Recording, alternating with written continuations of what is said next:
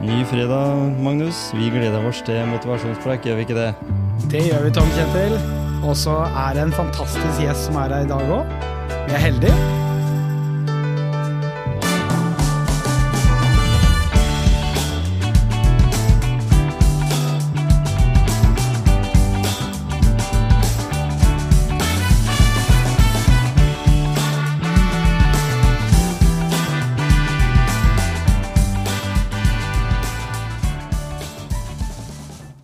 Tatt turen til Larvik.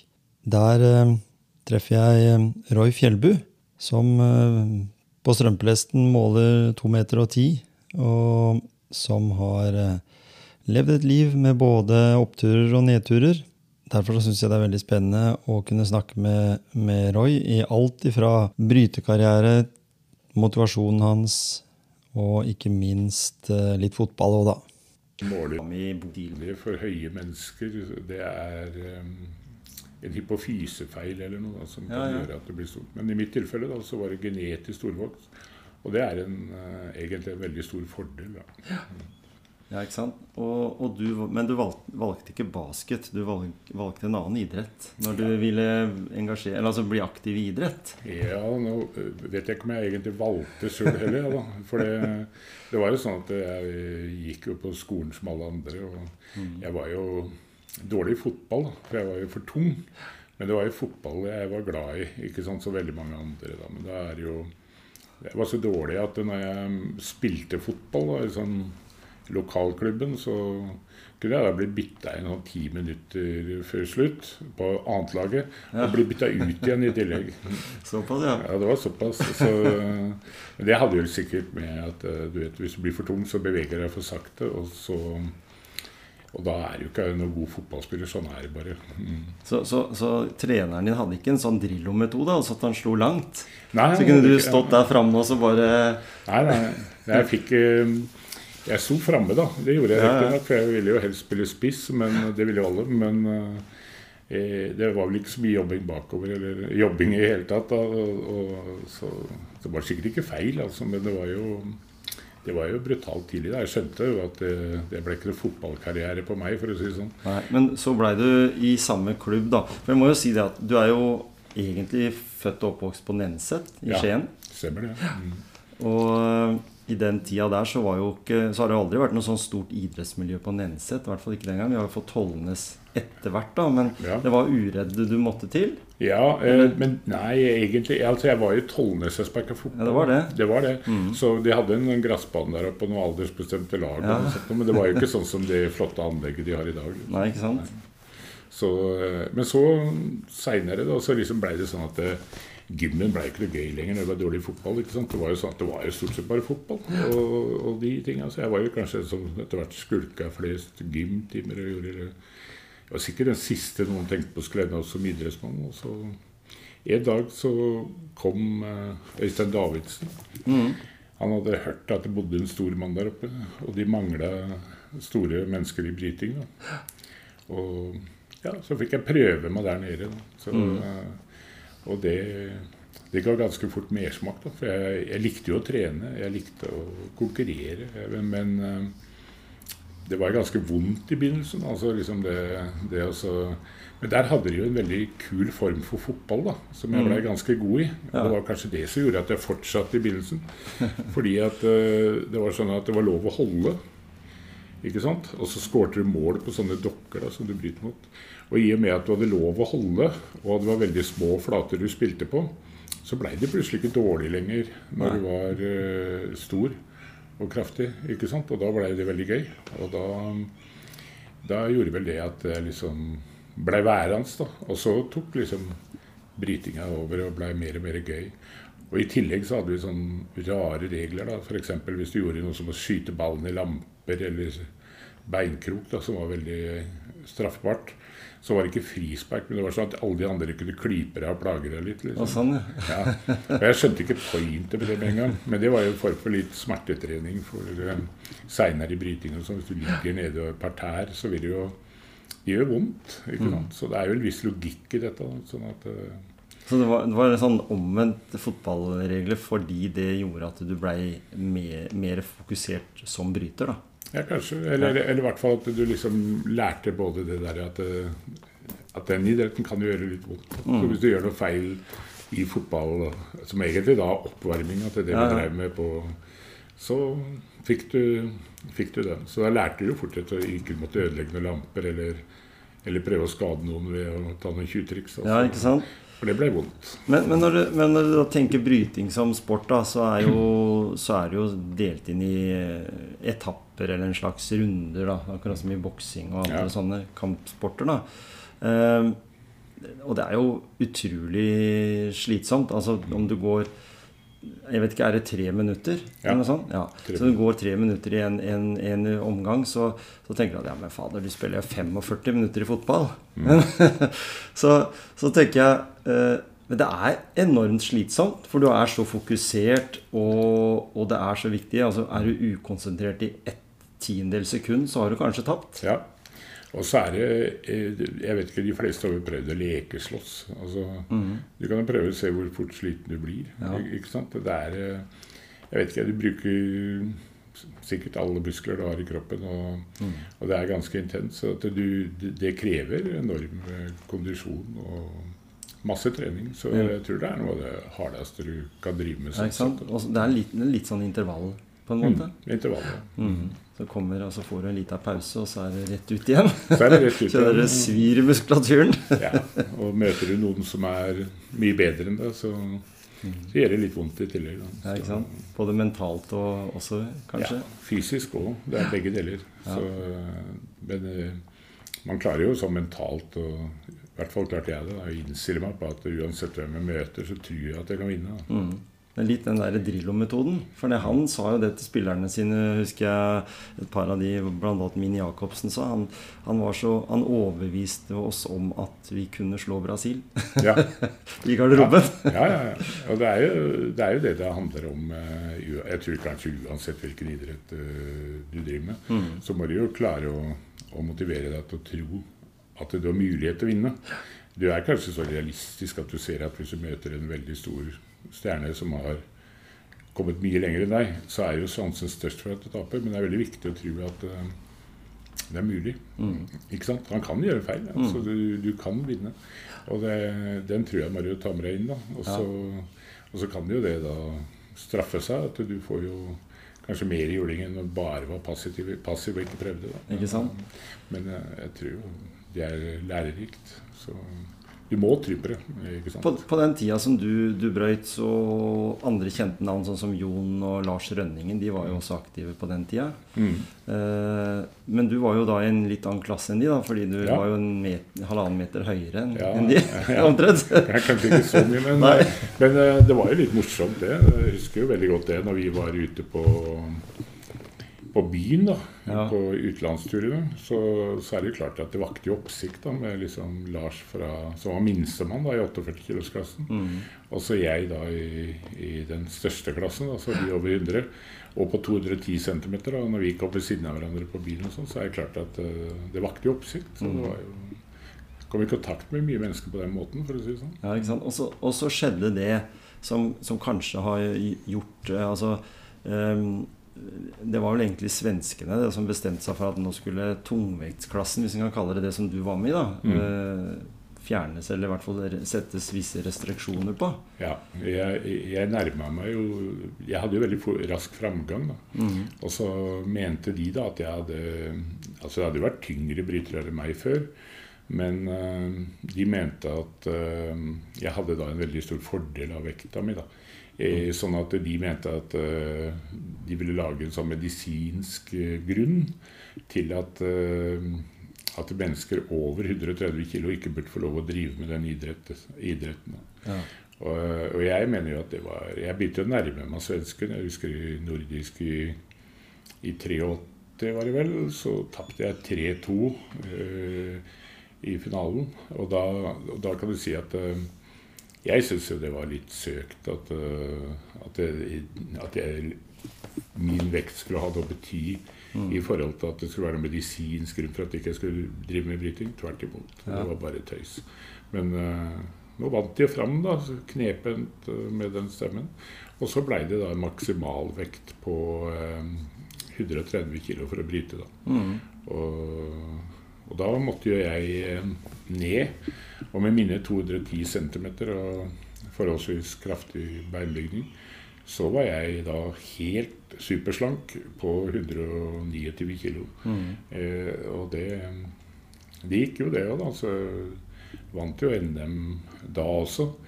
Men eh, jeg vet ikke. Det, det liksom var noe med at eh, da blei det litt for mye å begynne på nytt igjen. Da. Så at det liksom eh, En såpass eh, stor vekt en gang, det gjør at du liksom Du forandrer kroppen din litt. Også at du liksom tenker litt annerledes i forhold til tyngdepunkt, liksom hvordan du beveger deg litt. eh, Så, så det holdt å vinne NM, men eh, etter det så mista jeg litt motivasjonen. Da hadde jeg kanskje vunnet det som jeg mente var mulig på kort sikt. Ja. Og så at det liksom sprang opp da jeg ble veldig stort.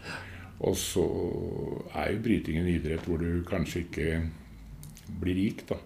Nei, ikke sant. Det òg. Eh, Men jeg hadde jo en fordel. Da. Så kan si jeg fikk mye mediedekning pga. størrelsen min. Jeg fikk eh, tilbud om sponsoravtale, men den gangen så var ikke det var ikke proft nok rundt det. Og så var det sånn at de måtte ha avskrivninger fra klubber, og så ble det sånn at de ville ha med mange andre i disse avtalene Mm. som ikke de selskapene var interessert i. Og så, så følte jeg liksom at eh, alle muligheter blei eh, blokkert. Mm.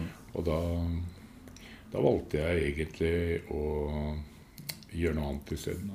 Ja, for det, hvis, du, hvis du ville ha noe jobb ved siden av, så var det jo ikke noe problem å ha deg som eh, utkaster på et utested, eller eh, som vakt, eller noe sånt. da. Nei da, men samtidig så var jo alle samlinger og konkurranser i de samme helgene. Ikke sant? Sånn at uh, det, det, det blei jo veldig kostbart økonomisk, da. Ja. Eh, Du, du var på minus hele tida.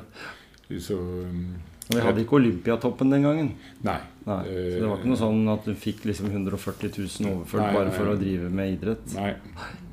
Så du kan si at den gangen så var det sånn at du, du måtte jo Men klubben hadde litt mer penger den gangen, sikkert Mm. enn de har i dag. da. Fordi at det var jo sånn at eh, de hadde noen inntekter fra noe hotell hvor de hjelpte med ting og forskjellig sånt. Så at eh, det var nok mer penger i bryteklubben Uredd den gangen enn det, det det kanskje er i dag. da. Ja, For Uredd var jo nesten sånn at når det var klubbmesterskap der, så var det NM en Ja, periode. En periode så var det vel at i hvert fall sånn 50 Jeg husker når vi var i lag-NM og sånn, så, Mm. så var det ganske lett match å vinne lag-NM. Ja. Ja, ikke sant? Så, Så det var vel bare, det var, var, Som jeg har lest, så var det i Sarpsborg som det var en stor klubb. ja, det var vel Sportsklubben 09 Ja, i Oslo, i og så ja. var, og var det Kolbotn. Ja, ikke? Eh, Det var vel de tre klubbene den gangen. Og så var det litt spredt med noen folk fra noe fra Kristiansund. Det var lengst nord hvor de hadde noen gode den gangen. Mm. Og så var det litt ute i Sarpsborg-området og litt i Tønsberg. Ellers så var det vel eh, lite ellers rundt i Norge. Det var jo selvfølgelig jeg tror til og med det var bryteklubb i Larvik, men jeg tror ikke de Mm. nådde opp i, i seniorklassen. Da. Nei, og det, for det blei litt sånn kanskje at eh, når du hadde bygd opp eh, For vi hadde jo Morten Brekke, han var jo en kjent Ja. eh, bryter i sånn klasse som, som gjorde at han så normal ut når han gikk på gata, på en måte. Ja, ja, ja. Likevel var det, var det god bruk det. Jeg vet ikke hva det vil si. Det er rundt 70 kilo, eller Ja, han brøt vel i 62. Ja, veide, veide vanligvis en 68. Ja. tror.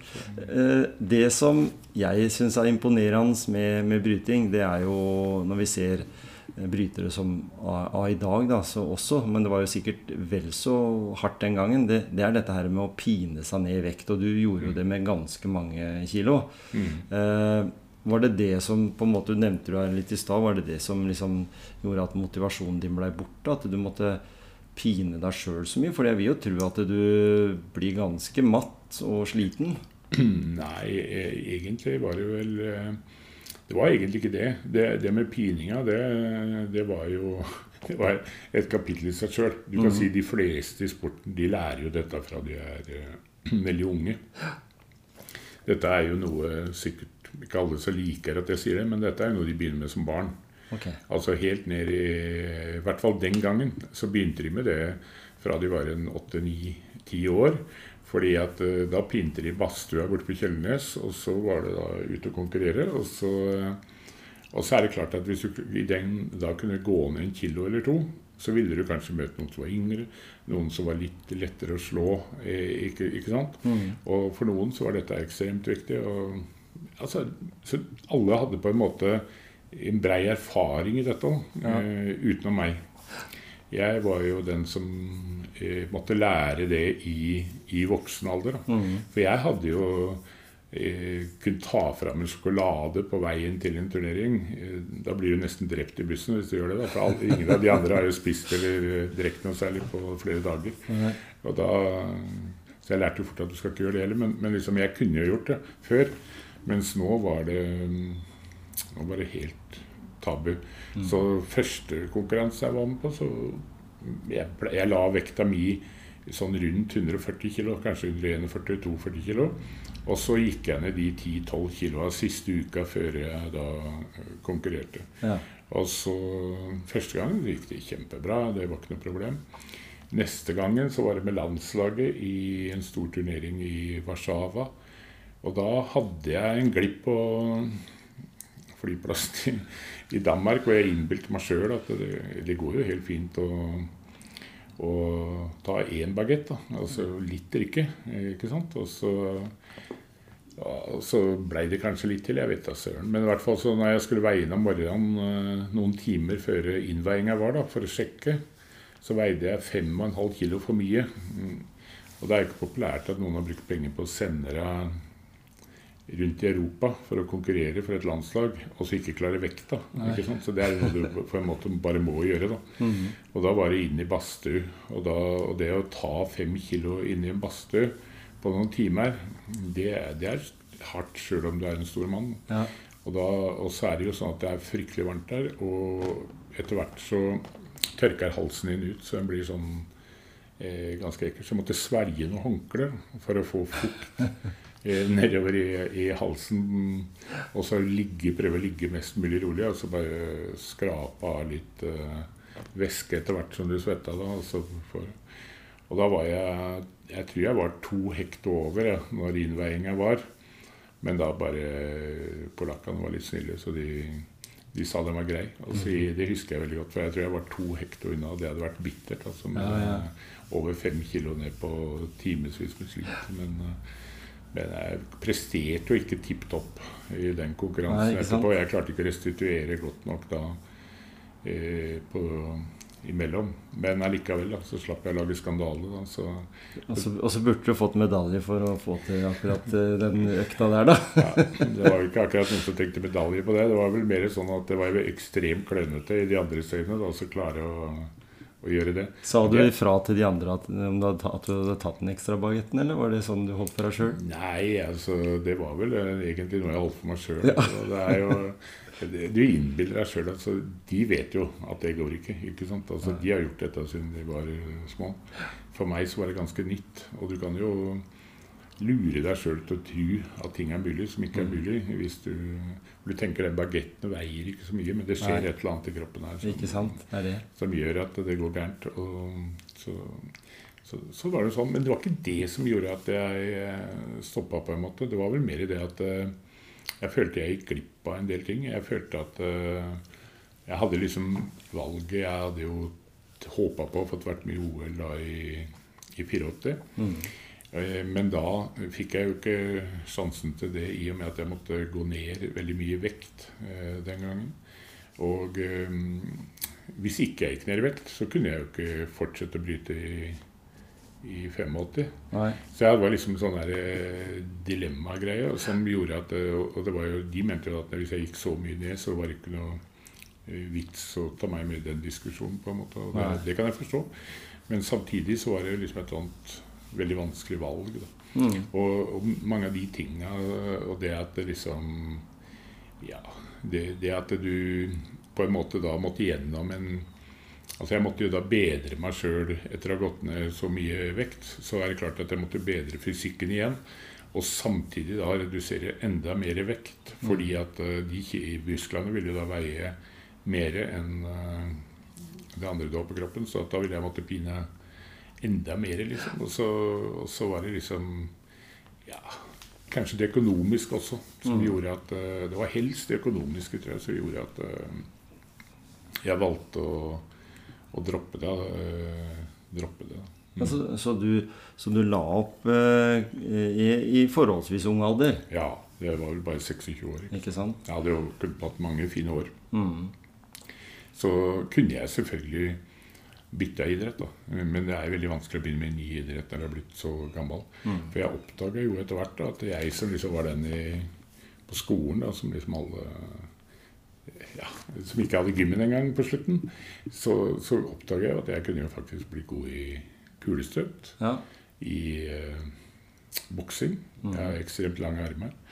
Eh, og ja, i hvert fall de to idrettene. Da. Mm. Så, eh, så det så jeg visste jo at det fantes andre muligheter. Men ja. på en måte følte jeg da at det toget var godt. Jeg begynte jo da med bryting ganske seint og, og, hadde lagt ned en stor jobb der. Og så, og så følte jeg vel da at eh, Nei, da fikk jeg bare gjøre noe annet. Da. Uh, jobbe isteden. Ja, finne på noe. Men du, men du, prøvde jo en gren som ikke har noe sånn vektreduksjon? Ja. Sumo. Ja, ja det, det, det, er en helt annen historie. Men egentlig, da så har jeg jo aldri drevet med sumobryting. Eh, det det handla vel om at jeg eh, Altså, De ringte meg og så sa de at de måtte ha med meg for det første NM i sumobryting i Norge. Og jeg, eh, jeg tenkte jo at det ikke var noe. Jeg hadde jo ikke trent på ja, Det må jo ha vært nærmere ti år, vel. Og den, på den måten, da. ikke sant? Så at mm. jeg følte jo, Men de sa du kan stikke ned nedom, så kan vi bare lære av reglene. Men vi trenger deg for å få blest om konkurransen. Ja, ja. For i sånne lokalmedier, Fredrikstad og masse sånt. Og så tenkte jeg shit, eller jeg kan jo gjøre det i den tjenesten. Altså det spiller jo ingen eh, Det spiller jo ingen rolle. Eh, jeg, har, jeg skada meg ikke. Og mentalt inni huet mitt da, så er jo jeg sånn at eh, det er som jeg sa i stad, at jeg tror jo hele tida at det er best. Mm. Og, og, da, og, da, tenkte jeg jeg kan jo dra bort og vinne det, da. Uten, uten trening, uten noe, uten noe, som helst. Ja, ja. Og, og, følte at det var fullt realistisk og mulig. Da. Men eh, det jeg ikke skjønte, det var hvor, hvor stor oppstandelse dette førte med seg. da. For når jeg kom bort på pressekonferansen, så var jo NRK der, TV 2 der, alle de største riksavisene. Alt mulig sånt. Og jeg var ikke forberedt på det. ikke sant? Og de begynte jo å intervjue og spørre om hvordan har du trent, og hvordan, hva gjør det der, bla. Eh, frokost-TV skulle lage reportasje, ikke sant. Og de, de tenkte ja, vi, du må vise hvordan du trener. Da. Så sier jeg, men uh, helt ærlig, altså, da tenkte jeg jeg kan jo ikke fortsette med det tullet her. Jeg må jo bare si rett ut at jeg har ikke trent. Jeg ble med for å skape litt blest. Og så sier han journalisten ja, men det kan du ikke si. De skal jo ha innslag i morgen på TV og sånn, så vi må jo bare lage noe. Og så lånte de et hus da, hvor jeg liksom jogga ut porten. Og så satte de et sånt kamera bak den bilen og skulle vise løpetur. Og Dermed måtte jeg løpe lenger enn jeg hadde gjort på flere år. ikke sant? Så jeg var nesten helt knekt. Og så han fikk de for seg at jeg skulle dytte en eh, varebil oppover en motbakke. Og så sier jeg meg fader, jeg klarer ikke å dytte denne bilen her er tung og så opp en motbakke. Det er jo fysisk umulig. På en slette, ja, men ikke en motbakke. Nei, men det er ikke noe. Vi legger bare kameraet litt på sida, så får du den uh, motbakken. Ja, ja. Ikke sant? Og så, ja, ja, så blei det jo en sånn reportasje i, uh, mm. i frokost-TV. Og så og så eh, gjorde jeg i innveiinga så bare en sånn gimmick, da, for de ville at jeg skulle stille i to klasser. Da, både åpen klasse og eh, tungvektsklassen. Så i tungvektsklassen så hadde jeg egentlig Jeg tror nok jeg hadde vunnet den ganske greit, sjøl om jeg ikke hadde trent. Men jeg eh, var altfor arrogant. Eh, sånn at, at, jeg sto liksom bare og tok den imot. Eh, han, han jeg møtte Og han hadde... så... Mm. Ja, så, så Suomi det ble ikke noen ny sport for deg. fordi du, selv om du gikk den, den konkurransen der, så, så ble det ikke noe mer. Nei, det, det, det, blei for så vidt ikke noe mer konkurranse. Da. Men det var jo sånn at øh, i, i etter tungvektsklassen, da, som, øh, så var jeg med i en sånn annen klasse også, da. En Ja. åpen klasse. Mhm. Men det blei eh, li, litt mer komplisert, for der møtte jeg litt mindre folk og sånn. Så der gikk jeg vel bare én eh, kamp eller noe, tror jeg, før, eller muligens to, før Mm. jeg måtte bare stoppe, da, for da blei det såpass eh, vondt. Eh, men i, det ene, i den ene kampen så tok en Aftenposten-journalist et bilde av meg, altså landslagsbryter i den lave kiloklassen, kanskje 57 kilo eller noe, tenker jeg. Ja, ja. Og, eh, og det bildet, det tror jeg han vant noen sånn priser. Det var vakte en enorm oppsikt. Det var jo et kult bilde. og Så, så, og så uh, ringte NRK. Uh, det var vel han uh, Jeg husker ikke hva han, han der, Det var han der eh, Sønnen til han i disse Tunes den gangen, som jobba som assistent for, eh, for eh, Tande P. Thomas Numme. Ja. Ja. Og da, da klarte han da å overtale meg da, etter noen iherdige forsøk til å stille opp i en sånn oppvisningsgreie der, da. I, i på Tande P, da. Så, så gjorde jeg det også, da, bare for å Så da fikk de i hvert fall mye publisitet for eh, Sumo. Og da da, etter det så blei det jo sånn Så så jeg jo faktisk at dette kunne du jo tjene penger på. Og jeg er alltid sånn at når jeg ser noen muligheter, så gjør jeg det. da. Så da var det en del utdrikningslag. Jeg, jeg var jo i Oslo og brøyt mot Espen Bredesen i hans uh, utdrikningslag på Økernsenteret. Uh, så åpna vi et parfymeri i gågata i Kristiansand. Det trakk jo 3000 mennesker. Eh, så, og så var det en del andre sånne litt sånn så, så, så faktisk da, så klarte jeg å snu det til noe som eh, som ga, eh, ga meg faktisk mer inntekter enn bryting har gjort noen gang. Ja, ja. ja for, for, for, for en sånn situasjon som det der, så kunne du jo reist bort til USA og vært med i det her eh, WWF, er det de kaller det? Ja, World Wrestling Foundation, eller noe sånt? ja, jeg fikk jo en henvendelse eh, etter, eller på slutten av brytekarrieren min da, Mm. om å dra over dit og eventuelt prøve meg i, i det wrestling eller i amerikansk fotball. da. Mm.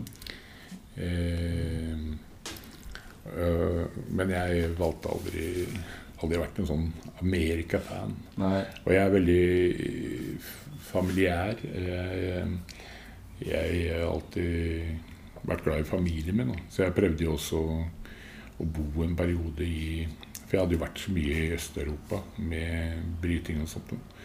Og da, etter at karrieren var over, og etter noen mislykka restauranteventyr var over, så hadde jeg behov for å gjøre noe helt annet en periode. Da, Mm. da dro jeg til Øst-Europa, bodde der et år. Og der fikk jeg tilbud om en veldig fin jobb eh, av en svenske. Men eh, da savna jeg allerede eh, liksom, hjemme så mye da, at jeg, eh, det var ikke aktuelt. Jeg dro bare hjem og, og fant på noe her isteden. Ja. si, Sånn sett. Ikke sant? Eh, Jeg tenker på den motivasjonen du må ha hatt, da, som du sier at du hadde det med vektklassen din, at den blei på en måte utradert, og så begynte du på nytt. Eh, Det, du sier jo sjøl at du er et konkurransemenneske. Ja. Um, I dag så kjenner jo veldig mange deg som uh, Jeg tenker to ting, da, hvis du bruker sosiale medier. Mm. Uh, Det er at du er Vålerenga-supporter. Mm. Uh, Det har jeg fullt forståelse for, fordi jeg også var sånn at eh, for, for oss som har vokst opp i den tida, da, du er jo noen år eldre enn meg, men allikevel, vi hadde jo ikke noe lag lokalt å heie på, annet enn at de var i lavere divisjoner. Nei. Men, men, men også, også dette her med at du eh, kommenterer ting da, som, og, og har en genuin sånn politisk interesse. Det snakka vi litt om før vi satte i gang opptak òg. Mm. og, og kanskje vet mer om politikk enn det som noen kanskje vil si om eh, Nå skal jeg ikke si at du er det, men nettroll eh, Roy Fjellbu, det har du sikkert fått høre at du kommenterer litt og er veldig ærlig i dine eh, måter å svare på. Eller Ja. legge ut ting på. Ja, du kan si at eh, jeg eh, For å ta det første først, da. Det, det med at jeg er på sosiale medier og har en politisk interesse, det starta jo først med at jeg egentlig aldri skulle på sosiale medier. Altså Jeg kom på Facebook for eksempel, mye seinere enn de fleste andre mennesker. Mm. For det var noe av det mest dødfødte jeg syns fantes. Så, men så snudde jo livet mitt. Hele livet har jeg jo enten drevet med, med restaurant, eller jeg har eh, gjort ting som gjør at jeg ikke skal fronte mine meninger. Mm. Ikke sant? Du skal jo helst være nøytral, og Mm. at alle mennesker skal like deg på en måte. Hvis du skal drive et eller annet, eller, eller Mm. gjøre et eller annet. Og sånn var det liksom i idretten. Sånn, og så måtte du jo måtte du tie stille, liksom. Du kunne ikke begynne å fronte, for du representerer jo en klubb, du representerer et eller annet.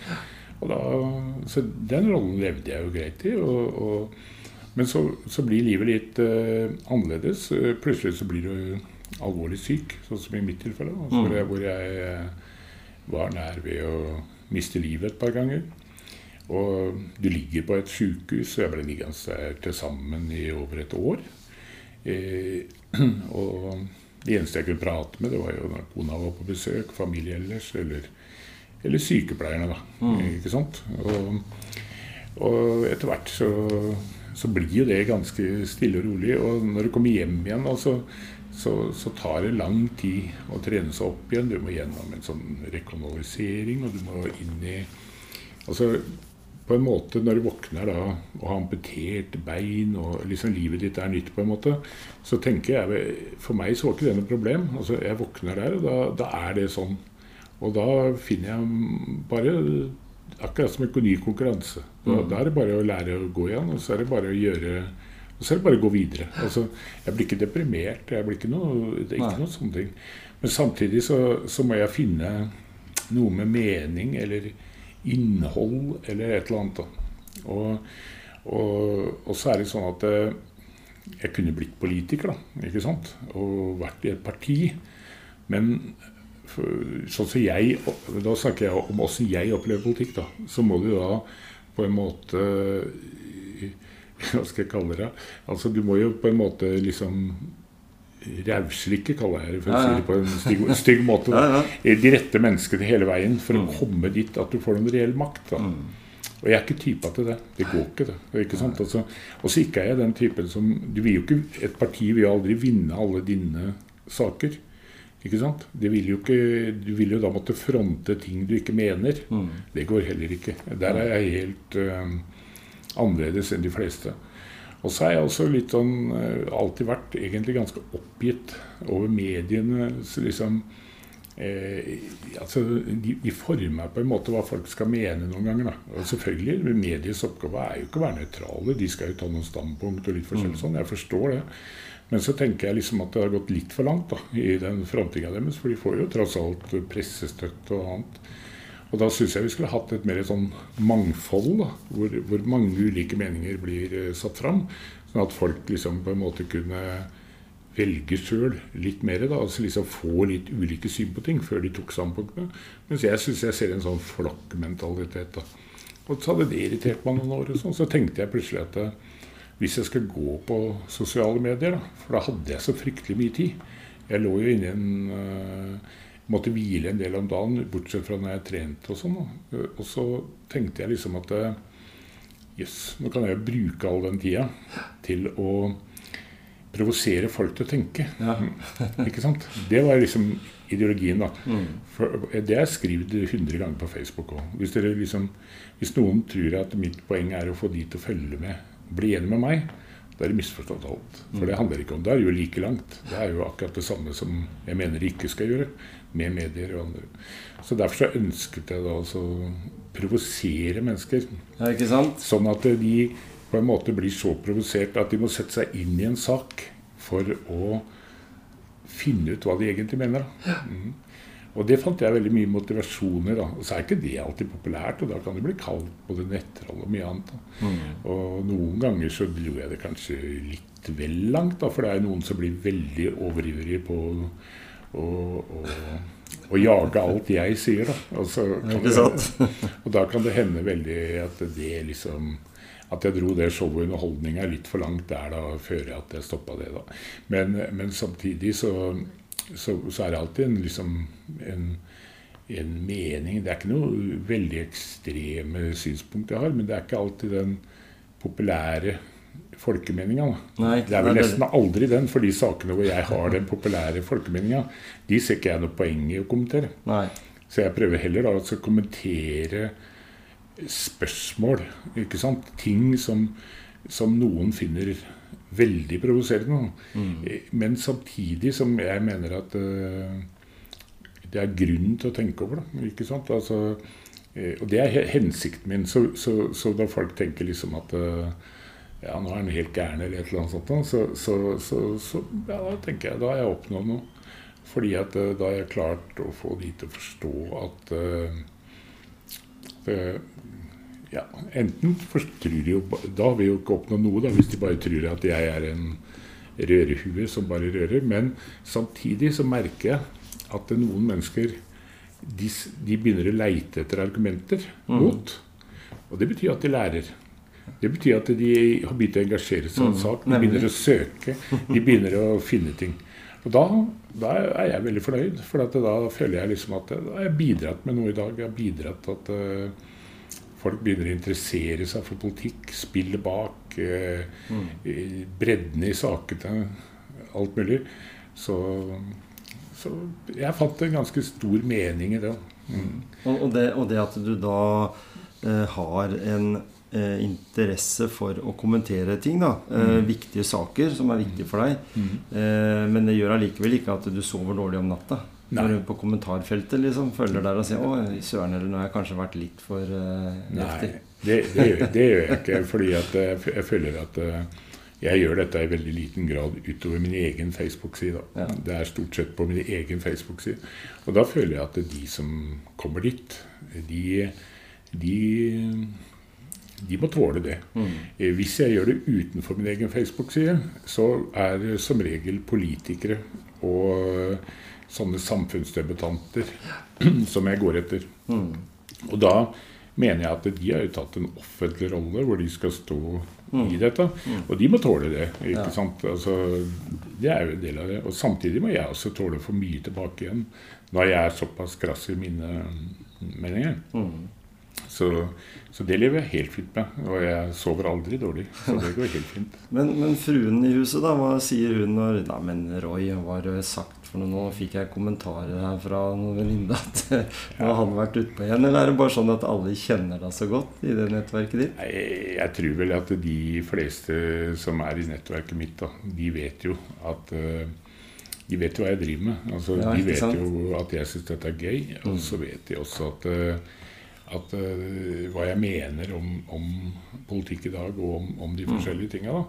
Eh, og da tenker de at uh, det er greit, liksom. Altså, Kona mi har aldri kommentert at det skulle være noe gærent. Men hun er ikke like engasjert i dette som jeg er. da. Sånn at uh, Men vi har ikke noe Vi krangler aldri om det, for å si sånn. Så det, det, er ikke noe problem. Vi har jeg må få mene hva jeg vil. Liksom. Ikke sant? Jo... Du, er, du, er, voksen nok til det? ja, jeg er voksen, voksen, nok til det. Og jeg har jo voksebarn, så jeg har ikke noe hensyn å ta der heller. Og jeg tenkte at eh, når jeg først har vært så uheldig da, at jeg ikke, ikke, skal ut i yrkeslivet igjen, mm. eh, så har jeg jo ikke noe å miste der heller. Og der har jeg oppdaga egentlig noe som er interessant. For i privatboksen min på sosiale medier og sånn, så får jeg veldig ofte sånn Jeg er så enig med deg, men jeg kan ikke trykke like fordi jeg jobber her eller der. Ja, sånn. Mm. Ja, Enten er de lærer, eller de er i helsevesen, eller de er i et eller annet.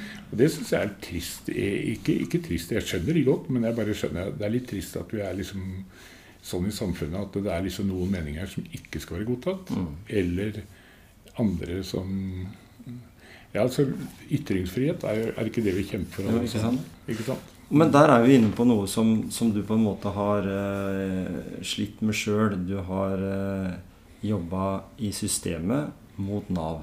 Mm -hmm. og, og, Nav er eh, noe vi alle helst vil være venn med, er det ikke det? Jo. Eh, for i det øyeblikket vi ikke er venn med de, så kan vi gå glipp av noen velferdsgoder som, ja. som er viktig å ha med seg på veien. Og det vet jo du alt om. Ja, det vet jeg alt om. Og det, og det er sånn at jeg, jeg tror ikke vanlige mennesker liksom, som ikke har vært syke, de, de, har ikke opplevd Nav. Og det er også sikkert sånn at en del av de som blir syke. vil oppleve Nav som veldig positivt og bra og en god hjelp. Mm. Men samtidig så er det andel, en høy andel mennesker som nok vil oppleve Nav eh, som en, en, fiende, på en måte. Noen som prøver å trenere deg. Mm. Og jeg kaller Nav et uh, politisk monster skapt av, uh, av ja, de fleste partier på Stortinget har jo vært med på det her. Mm. Og, og det, det, undertrykker da de svakeste i samfunnet. Og for meg så er ikke Nav noe problem. Jeg er så sterk at jeg kunne ta kampen mot Nav. For jeg visste jo at jeg hadde rett. Jeg var jo skikkelig alvorlig syk. Mm. Så, så, det ble to rettssaker, eller sånn Trygderetten òg. Og vant jo begge. Helt ja. suverent. Og Nav kosta skattebetalerne masse penger. Og fikk voldsom kritikk i den ene dommen også.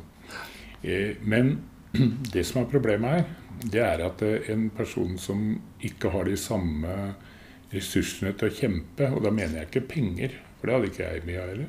Men jeg mener liksom det med at du kan sette deg inn i regler, sette deg inn i lover, forstå at Nav misbruker eh, leger, psykologer, hva det måtte være da, i mm. din aktuelle sak, eh, til å kjøpe en mening om deg som de aldri har møtt og, og, bruke den videre. Og, og, når det kommer, da, så må du da liksom forstå hva som skjer. Og så må du forstå at da må du gå til å finne en nøytral part, et sykehus, hva som helst, som kan skaffe deg en ekte legeerklæring som kan slå i hæl den, og så må du i tillegg finne en god advokat. Og hvis du da ikke har penger, f.eks., så er du helt avhengig av eh, fri rettshjelp. Mm. Og hvis du skal på fri rettshjelp, så er du helt avhengig av at du finner en ærlig advokat som ikke utnytter de svakeste menneskene. En som er dyktig, som mm. mener noe, og som vil hjelpe deg. Og der er det jo mange sånne slasker som bare tar pengene til de svakeste, og så gjør de stort sett ingenting. Og så faller de gjennom, og så får ikke de de ytelsene de har krav på i det Nav-systemet. Og, og, andre igjen, de gir opp lenge før de kommer dit. ikke sant? Mm. Og, og, og, da har vi fått et system hvor uh, de aller svakeste faller gjennom, og hvor de sterkeste kun får det de har eh, krav på. Og, og, det er sånne ting som jeg er eh, ganske opptatt av. Mm. Så opptatt at jeg meldte meg på til å møte ministeren for mange år siden. Da var det vel Frp som hadde ministeren. Mm. Jeg dro til Oslo eh, og hadde et møte hvor det var noen som ble plukka ut i Norge, og jeg var en av dem. Men jeg merka jo at sånn som det ofte er i politikk, det var jo bare spill. Han stilte jo spørsmål som var ledende, og prøvde å få meg til å svare de svarene han ville ha. Det lykkes han ikke med, da. Men hele det greiene der, det kokte jo bare vekk i kålen. Det var bare alt sammen. Ja. Så, så, de ville jo ikke genuint hjelpe mennesker, de heller. De ville bare prøve å late som de gjorde. ikke sant? Og, eh, så, så, så, og på liksom 20 år som dørvakt, da, mm. som jeg har erfaring med, som er et av yrkene jeg har hatt, så har jeg nesten aldri blitt provosert i stor grad. Jeg har jo måttet bruke fysikk og sånn, for det er masse mennesker som kan være krakilske, kan være ditt og sånn. Men at jeg alltid holdt besinnelsen. Folk har skjelt meg ut, jeg har gjort ditt. Men det er helt i orden. Bare de går hjem og vi slipper noe tull og bråk og slipper noe politi, så er det fint. Men når det kommer i møte med Nav, mm. så kjente jeg på at ikke på 20 år i restaurantbransjen har jeg klart å bli like provosert som noen ganger i de møtene med Nav. Og når jeg leser avisa da, så tenker jeg på at de som ikke har de samme Jeg er en rolig person, eh, så fordi om jeg blir veldig provosert, så er det innvendig. Jeg, eh, jeg kan være krass i kommentaren mot den som ansatte, men jeg forstår at den jeg møter, er førstelinjesupporten, og at at hovedproblemet sitter på en forvaltningsorgan i Tønsberg. Men det er ikke noen mennesker som skjønner det. Nei. Og noen av de aller svakeste kanskje sliter med litt psykiatri i tillegg. Mm. Og sånt Og i et sånt møte så da får du de avisoverskriftene du ser rundt om ja. mennesker som klikker, mennesker som gjør ting. Og så sitter mange andre da, som aldri har vært i det systemet hjemme, og så tenker de ja, ok. Sånn er, sånn er samfunnet. Det er mange gærninger som går der ute. Mm. Men egentlig så er det jo nesten til å forstå noen ganger at de menneskene reagerer som de gjør, for de har ikke de verktøyene de trenger for å takle det monsteret som politikerne da har skapt. Mm. Og det er sånn jeg ser det. da. Jeg, ser, eh, jeg sier ikke at det alltid er sånn, men jeg sier at i noen av disse tilfellene så er jeg helt sikker på at det er sånn. Mm. Og hvis jeg hadde oppført meg på samme måten med mennesker som sleit, som jeg møtte eh, i de jobbene jeg har hatt, hvor jeg måtte ta noen avgjørelser som ikke de likte, så tror jeg nok at det ville, eh, ville blitt mye tull da òg. Mm. Sånn at eh, Det syns jeg er veldig trist. da. Og jeg, og jeg så også det samme på sykehuset. Ikke sant? At uh, sykehusene i dag de er uh, helt overbelasta. De er, uh, det, det, kan være folk som går rundt og griner på jobb på natta. Særlig i sommer. Det er rett og slett farlig å bli innlagt på sommeren. Mm. Eller i ferieperioder og sånne ting, for de er veldig underbemanna. Og nå etter pandemien er det jo enda verre, for nå er svensker og dansker rømt. Og de møter du mange av når du er innlagt. ikke sant? Mm. Og, og, og, da når vi liksom er i, i sånne situasjoner, så, så, så, så, tenker jeg da at de svakeste inne i det sykehuset, ikke sant? de får heller ikke den hjelpa de trenger. ikke sant? Jeg opplevde jo sjøl en gang at jeg lå inne med en alvorlig blodforgiftning. Og det var fullt på gang, det var fullt overalt. De visste ikke hvor de skulle plassere pasientene. Så kommer en lege og sier du kan få reise hjem. Du er heldig, så skal vi kalle deg inn når vi har ledig kapasitet. Jeg visste jo at hvis jeg blir sendt hjem med det, så er det jo livsfarlig. Mm. ikke sant? Og da ble jeg sint. ikke sant? Og da bare og da, Dagen etterpå så blir jeg hasteoperert. ikke sant? Det er jo fordi at jeg har satt meg inn i min egen sykdom. Jeg vet mm. at han, han skjønner han har bomma. Mm. Men jeg skjønner også at det er en annen som blir sendt hjem. Mm. Ikke sant? Fordi at politikerne de utvider ikke systemet. De bare lar dette skure gå. Og da er det hele tida de som har minst ressurser, de som er aller svakest, det er de som blir ofra. Mm. Ikke sant? Og, dette tenker ikke folk på i stor nok grad. Og det er også noe der jeg finner motivasjonen til å provosere litt når jeg er på, mm. på, Facebook eller andre ting. Stille de ubehagelige spørsmåla som ingen andre vil. Og så gjøre det på en måte som er veldig provoserende. Så tabloid i tillegg. da, Sånn at de er nødt til å, nødt til å tenke. Men, men, men, eh, du har jo da eh, altså Nav har jo ikke vært klar over at de har møtt konkurransemennesker og i Fjellby. Mm. For det er som du sier, dette her med eh, ressurssvake mennesker, da, som, mm. som, på en måte Og det har jo ikke noe å si økonomisk sett, fordi du kan jo Nei. gå mange runder med de mm. uten at det koster mye penger sånn i utgangspunktet. Ja. Så, så, det kunne vi sikkert ha snakka mye om, den der politiske og den Nav altså Personlig tenker jeg at Nav som sammenslått organ kunne vært splitta opp sånn som det var. Det hadde vært mye bedre. For du har så mange som har behov for trygdetjenester i dag. Mm. Eh, det med å være, være trygda og, og, ikke ha jobb, det er to forskjellige verdener, ja. på en måte. Så, også at de bare kunne ha snakka sammen med et felles datasystem, så hadde alt vært løst. Ja. Uh, så, så, det der, der, vet jeg om, og jeg vet også at uh, jeg jobber jo på sykehuset sjøl, så jeg vet jo hvordan vi har hatt det de siste to og et halvt åra med covid og, og, sånne ting, mm. og at politikerne har bestemt at det skal telles opp hvor mange som er inneliggende klokka to på natta, og da er det alltid minst. så det er altså sånne ting som, ja. som, som, jeg kanskje ikke skulle ha sagt her, men det er ikke noe hemmelighet. Eh, jeg har lyst til sånn eh, mot slutten her å høre litt om eh, har du, du, har jo avsatt Fagermo som trener i Vålerenga, har jeg lest? Ja. Jeg, ja, det er jo også litt av det samme. da. Når jeg melder noe, så melder jeg det tabloid. da. Ja, ja. Og, og, det som Jeg har alltid ment at eh, Fagermo er en god fotballtrener. Mm. Det mener jeg helt alvorlig. Jeg kjenner ikke Fagermo personlig. Jeg har hatt den som foreleser på et uh, kurs i regi av Norges Fotballforbund, hvor jeg tok en sånn trenerkoordinator-greie. Mm. Og det, Så det er mitt eneste møte med han nå. Men uh, i Vålerenga så, så syns jeg da at han eh, har mista spillerne. Jeg, jeg, ser at spillerne ikke lenger jobber for han. Og da eh, tenker jeg det at hvis spillerne ikke lenger har trua på det de holder på med, så er det ikke noe, noe vei til å fortsette, da. Nei. Og eh, nå, nå, tror jeg vel egentlig ikke at han får sparken i det vinduet her.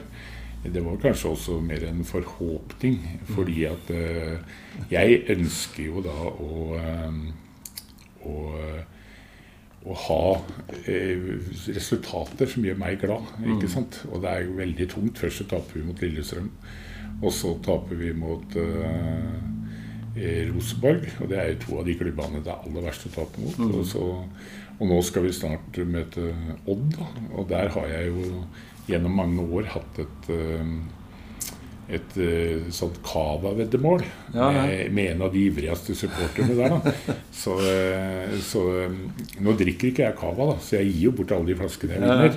Men, eh, for jeg drikker ikke alkohol i det hele tatt. Men, men, men poenget mitt er at det, det er viktig å vinne likevel. Mm. Altså, jeg må jo vinne det veddemålet. Jeg hater å tape. Jeg hater å tape. Jeg, jeg, jeg klarer ikke å tape over barn med vilje engang. Altså, jeg, må, jeg må Jeg vet ikke, jeg var født sånn. Så du skal ikke spille ludo og kortspill med deg. Nei, altså jeg, blir, jeg er en dårlig taper. Det, det, det er ikke en egenskap jeg er lei meg for det. Altså, jeg tror at det er veldig viktig å være dårlig taper. Jeg syns det er eh, Jeg syns det er fint, ikke sant, på en måte. Altså eh. Er, Men uansett da, så ser vi jo sånn norsk fotball i uh, det internasjonale målestokken er jo ikke noe svær. Den er jo, det er jo men, men det er det der med lidenskapen for, for klubben sin, da.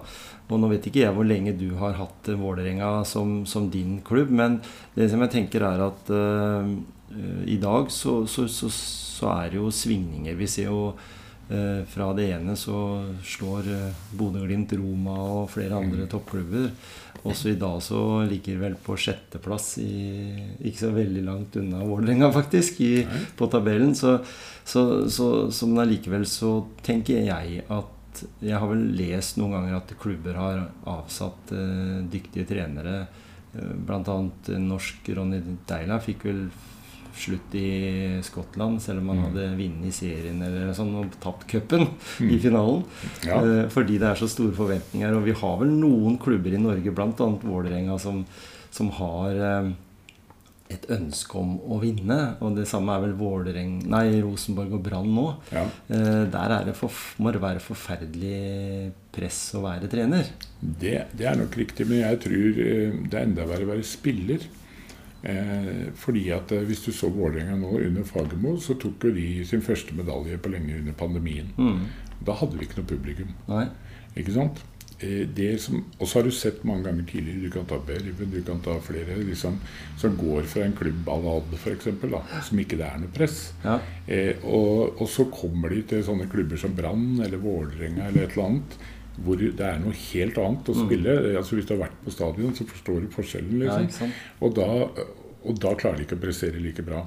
Og, og det tror jeg nok kanskje er eh, problemet til Vålerenga nå også, med noen av de spillerne de har. Mm. Eh, Det, det med at publikum er tilbake, det voldsomme trøkket, klanen Det er positivt. Det, det, er voldsomt, det er det som fotball handler om. Det er den stemninga, stemningen og atmosfæren. Samtidig så tenker jeg det at eh, det er vanskeligere å prestere når kravene er høye. Ja, ikke sant? Enn det har vært tidligere, ja. Ja. Og det ser vi jo kanskje på mange spillere som kom, drar utenlands og kommer hjem igjen bare noen helger etterpå. De fikk en ny, de fikk en ny hverdag, ja, ikke Ja. sant? Og du ser jo, vi har i Vålerenga så har vi Dønnum da, som kom til Belgia. Ja. Og kommer jo tilbake som noe helt annet enn han var da han dro. Ja. Nå er han jo ikke en middelmådig eliteseriespiller engang. Og så får vi se da om han klarer å komme opp igjen. Mm. Men da er vi jo tilbake til noe av det jeg ville kritisere Fagermo for. da. For eh, han skulle jo utvikle talenter. Han skulle jo ikke hente en Vålerenga-gutt og gjenoppbygge karrieren hans og så sende av gårde igjen seks måneder etterpå. Nei? Han tok sitt valg, han tok pengene, og han dro. Ja. Og nå har Fagermo driver sånn en sånn Nav-rehabilitering på, på han, som går utover andre talenter i Vålerenga. Men men det var vel litt hans filosofi i Odd og det. Han henta jo spillere som han trodde han kunne skape noe Altså gjøre gull av gråstein, på en måte. Jo da, men ikke på seks måneders avtale som han skulle sende av gårde igjen til Belgia etter seks måneder. Hvis han f.eks. henta denne tilbake igjen og hadde den i to år, Ja. ja vel, så ville vi jo få nytte av den det neste halvannet året. Nemlig. Men nå får vi jo bare all elendigheten når han skal gjenoppbygges. Og så fort han er god igjen, så kommer han jo til å reise. Mm. Ikke sant? Og, og, og det skjønner jeg ikke pointet med når du skal prøve å, å ta, ta medalje. Og du har vel hatt et par sånne spillere også som har fått større ja. betydning for laget, og så er de der bare på kort, eh, kort Ja, tid. du hadde vel sånn han Sander Svendsen? Ja. Ja. Og det var vel litt sånn med Bakenga også, tenker jeg. At han også Og det er kanskje ikke så rart, fordi når vi har vært innom nå flere ting her, Roy, så, så har vi jo snakka litt om eh, det å ha en jobb. Og fotballspillere i dag har jo korte karrierer. Med mindre du greier å kombinere det med, med utdanning. Men det er jo veldig få i fotballen som får til, da, i motsetning til f.eks. idretter der en kanskje trener noen tusen timer mer, sånn som skiskyting og Mm. langrenn og, og, og sånt noe, som, som er eh, idretter som, som krever mye treningstid, men som også utdanner sivilingeniører og, og Leger og leger og alt sånt.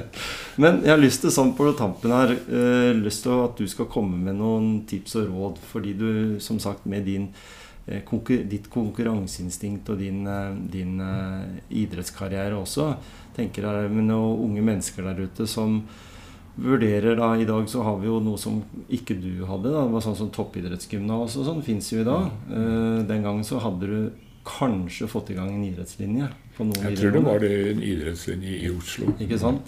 Så du måtte dra av gårde allerede i ganske ung alder. Mm. Uh, unge, talentfulle personer som uavhengig av idrett eh, har lyst til å satse. Har du noen gode tips å komme med, du som følger med litt? Nei, jeg, jeg ville jo brukt disse idrettslinjene. og De, de er jo tipp topp. Altså, det er jo helt andre muligheter nå enn det var før. Det er, eh, men jeg tenker også på det at, eh, at spesielt fotball, da, som jeg har vært en del engasjert i, så tror jeg at det er veldig viktig å være klar over det at La oss si du er på et kretslag, da. Så er én eller to av de på det kretslaget noen de skal satse på. Eh, Resten de er der for å gjøre de to gode. Og jeg er ikke sikker på alle foreldre og alt eh, forstår det, eller ungdommen sjøl. Og det er derfor det er så viktig å ha en utdanning og, og dette tilbake på. Og slippe å måtte ta det seinere som voksen. Altså, i, i, for, jeg, for det er så kynisk at det, det er kun maks én eller to som, eh, som de har tenkt å gjøre noe ut av. Og så sier de mye annet, men hvis du ser på liksom hvordan fotballforbundet De sier vi skal være for alle, vi skal være ditt. Men du ser på alle de justeringene de gjør med færre spillere fra de er barneklasser og alt mulig sånt noe. Litt større flate, litt forskjellige sånne ting. En del ting de gjør. Så ser du at de vil jo luke vekk de som ikke er eh, gode nok ganske tidlig. Og så når de kommer over i elleve fotball og sånne ting, så får du et nytt frafall. Og så gjelder det å da skape en sånn uh, gruppe som, uh, som da kan gjøre de enerne gode, da. Og det er jo det de holder på med. Men, og det er ikke noe gærent, men samtidig så er det veldig viktig å forstå at sjøl om du har havna så langt, så er sjansen for at du blir den nye Haaland eller, eller noe annet, den er veldig liten. Sånn at eh, det er kanskje lurt å, å ha noe å falle tilbake på. Eh, du skal jo tro du blir det, men, men eh, også kanskje tenke på at det er ikke sikkert at det blir det. Og, den, og den, eh, den muligheten du snakker om der, den vi husker vi hadde Fredrik Nordkvelde på podkast tidligere. Og, og han nevnte jo nettopp den der med at du kommer i en situasjon Du har fått beskjed i din klubb at du er en god spiller. Eh, og da går du et sprang videre. Du går til en enda bedre klubb. Og der kan du kanskje være fantastisk god i tre uker. Helt som han sa, helt til midtstopperen på, det, på laget der. Da, å finne ut hva som er din, for, hva som er din gode Altså den finta Ja, ja. eller den eh, Så havner du helt i kjelleren, sier han. Fordi du kommer ikke forbi den lenger. Nei? For såpass eh, flinke er folk i dag til å analysere egne ferdigheter. Ja, og det er nok hva han kjenner da bedre til enn meg. Da, Ja, ja. fordi at jeg har jo ikke spilt fotball. Jeg ser det mer utentil. da. Men, men, da, men jeg tenker jo allikevel sånn fra brytesporten. Mm. Altså når du var i de La oss si de harde 80-åra, da, som det Mm. var en, et enormt høyt nivå. Mm. Eh, I motsetning til Jeg vet ikke om du har fulgt med på den serien som har gått på TV? Ja, jeg syns den har vært eh, kjempekul. Jeg Ikke sant? se på den. Kommer litt nærmere brytemiljøet, på godt og vondt. Ja. Og, og da ser vi jo det hvor eh, enormt Og det var sikkert ikke noe annerledes den gangen du fighta på 80-tallet. Eh, selv om det er litt sånn personavhengig også, så, Mm. så, så var det harde ting. Du nevnte her at du måtte lære å klype eller bli klypt. Og Ja, lærte altså, sånne triks. sånne ja, men, det, er, en, det er liksom en viktig del av det. Mm. En annen opplevelse som, som jeg gjorde, det var vel at når vi dro Eller jeg måtte ut av Norge da, for å få en del matching. Mm. Og da ble jeg sendt på noen treningssamlinger i Polen og i, eh, i eh, ja, en russisk trener en gang faktisk. Eh, Så, og, og der er en helt annen kultur. Altså Han russiske treneren han husker jeg han fika til meg flere ganger på haka, for jeg hadde, jeg hadde ikke god nok holdning. Altså Jeg er lang, vet du, så jeg er litt sånn framoverbøyd. Og da kom han bare og knipsa etter deg i haka liksom, for at du skulle stå rett. da, Eller et eller annet sånt. da. Og i Polen så var det jo en gang som jeg eh, skulka en trening. Mm. Når vi var på samling, og, og da ble du straffa. Og det var liksom, det er noe som aldri hadde skjedd i Norge, da, men da putta deg inn i en sånn sirkel da, hvor, hvor du gikk sammen med mange veldig gode brytere da, i tungvektklassen. Og så Vanligvis så var det sånn at du sto inne i to minutter, og ett minutt ut. ikke sant? Så var det tre stykker som sirkulerte. da. Men da putta han bare fire inn i den gruppa. Så, og så lot han de tre andre bytte, og så måtte jeg stå inne hele tida på den neste treninga. Helt til jeg svima av. Ja. Eh, det Da skulka det ikke noe mer etter det. Nei. Så Nei, vel, vi kunne sikkert ha prata om dette her i, i timevis. Mm. Eh, nå har vi fått litt av din motivasjon. Det er jo viktig siden dette er motivasjonspreik. mm. Eh, og, og det som er eh, Altså hele din start fra, fra karrieren og du har hatt innen brytesporten. Altså litt, litt om det som er eh, tankene dine i, i måten å, å, å provosere på. Men hva går eh, sommeren til for, eh, for Roy og familien i år? Ja, nå har vi allerede vært på en ferie, vi, da. Ja, ja. Fordi at eh, jeg har en kone som jobber i helsevesenet. Og de trenger jo folk på sommeren. Ja, ikke sant? Og i og med jeg er trygda og vi ikke har små barn lenger, så er det jo klart at vi ferierer helst vår og høst, da. Ja. Ikke sant? Og når du bor i Larvik, så er det jo strender overalt. Og Ja, det er det, vet det, det er jo en ferieby, så, så, så det er ikke noe vits å reise vekk heller i den perioden. Nei. Sånn sett, så, så da blir det vel en ny tur til Tyrkia til høsten, tenker Mm. jeg. Hvis alt går som det skal, og helsa holder, og Ja. jeg finner flybilletter som har plass til mine bein, så, ja. så, er, så er målet da å ta tre uker eller noe sånt ned i Tyrkia til høsten. Ja. Og du har ordna Jeg regner med at du har kontroll på pass. Pass, det har jeg full kontroll på. Ja. Og en annen ting er jo at uh, i dagens aviser så viser jo Tyrkia sin gjestfrihet ved å love alle nordmenn som vil, at de kan få komme uten pass med Ja, bare et nasjonalt ID-kort hvis regjeringen sier ja. da. Ja, Det gjør de nok sikkert, for jeg så det debatten på NRK i går, og de er veldig klare på det, tror jeg. At de må bidra noe her. Fordi jeg ble veldig skuffa når jeg fikk mitt pass, for det var ikke det at jeg jeg var blant de folka som også glemte at det gikk to år med pandemi. Så, så jeg syns jo det at det er litt opp til folk òg, at de har sørga for det sjøl òg litt. At det har gått eh, over. Men, eh, men jeg blei så skuffa når jeg fikk rosa pass, jeg. Du har fått rosa? ja. Lite rosa, et sånt lite sånn Så så ut som det var sånn laga, laga på barnerom. eller ja. sånn ungdomsrom. Med, eller sånt, så jeg, jeg ble litt skuffa, for jeg syns jo det norske passet har vært liksom det, røde. Ja, det Jeg hadde vernepliktsboka, husker jeg, den var rød, og så var Ja. passet det var rødt. Liksom. Det er Norge. Ja. Nei, så, jeg, så det er made in China, antagelig. Jeg vet Ja. ikke. ja, jeg vet ikke. Mitt er nå holdbart til 25, så jeg regner med at de har rydda opp i det passrotet her innen 24. Men når det gjelder politikere, så er jeg ikke sikker. Nei. Altså. kan forskyve den der ventetida. Du kan bestille det to år før, eller noe sånt. Ja, ja, ja. Så, jeg- Veldig hyggelig å, å komme hit til, Larvik og, og prate med deg, Roy. Eh, tusen takk for at du ville være med i Motivasjonspreik. ja, tusen takk for at jeg fikk være med.